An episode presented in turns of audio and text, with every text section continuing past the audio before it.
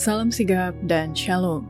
Renungan kita pada hari ini, Jumat 4 November 2022, berjudul Dialah Juru Selamat Kita. Ayat intinya terdapat di dalam Yesaya 43 ayat 11. Aku, akulah Tuhan dan tidak ada juru selamat selain daripadaku. Pena Inspirasi menuliskan yang dimaksud dengan judul renungan kita pagi ini, Dialah Juru Selamat Kita, adalah bukti dia peduli kepadamu, dan makanya kita harus senantiasa datang menghampiri tahta kasih karunia Allah dan mengalami kasihnya yang tiada bandingnya itu adalah sebagai berikut.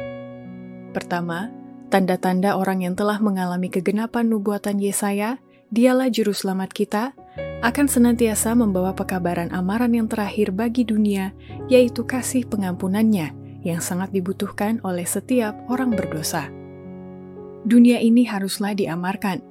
Perhatikan, tunggu, berdoa, bekerja, dan janganlah segala sesuatu diselesaikan dengan perselisihan dan keangkuhan. Masih ada lagi pekerjaan yang harus segera diselesaikan, dan segala usaha harus dilakukan untuk menunjukkan bahwa Kristus adalah Juru Selamat yang menghapus semua dosa. Kristuslah yang memikul semua beban dosa. Kristus sebagai bintang timur yang terang, dan Allah akan memberikan kemurahannya kepada kita di hadapan dunia ini sampai pekerjaan kita selesai. Kedua, tanda-tanda orang yang telah mengalami kegenapan nubuatan Yesaya, dialah juru selamat kita, akan selalu menggunakan metode Kristus dengan menunjukkan rasa simpati, melayani kebutuhan orang yang haus dan lapar akan firman-Nya, dan kemudian barulah bisa memenangkan keyakinan setiap orang-orang metode Kristus sendiri akan memberikan sukses yang benar dalam menjangkau manusia.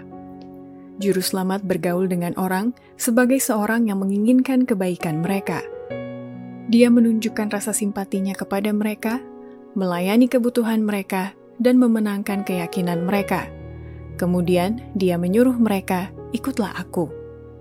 Ketiga, tanda-tanda orang yang telah mengalami kegenapan nubuatan Yesaya, dialah juru selamat kita akan memanfaatkan lebih banyak waktu dan pekerjaan untuk menumpangkan tangan di atas orang-orang sakit agar mereka sembuh, ketimbang berkhotbah semata.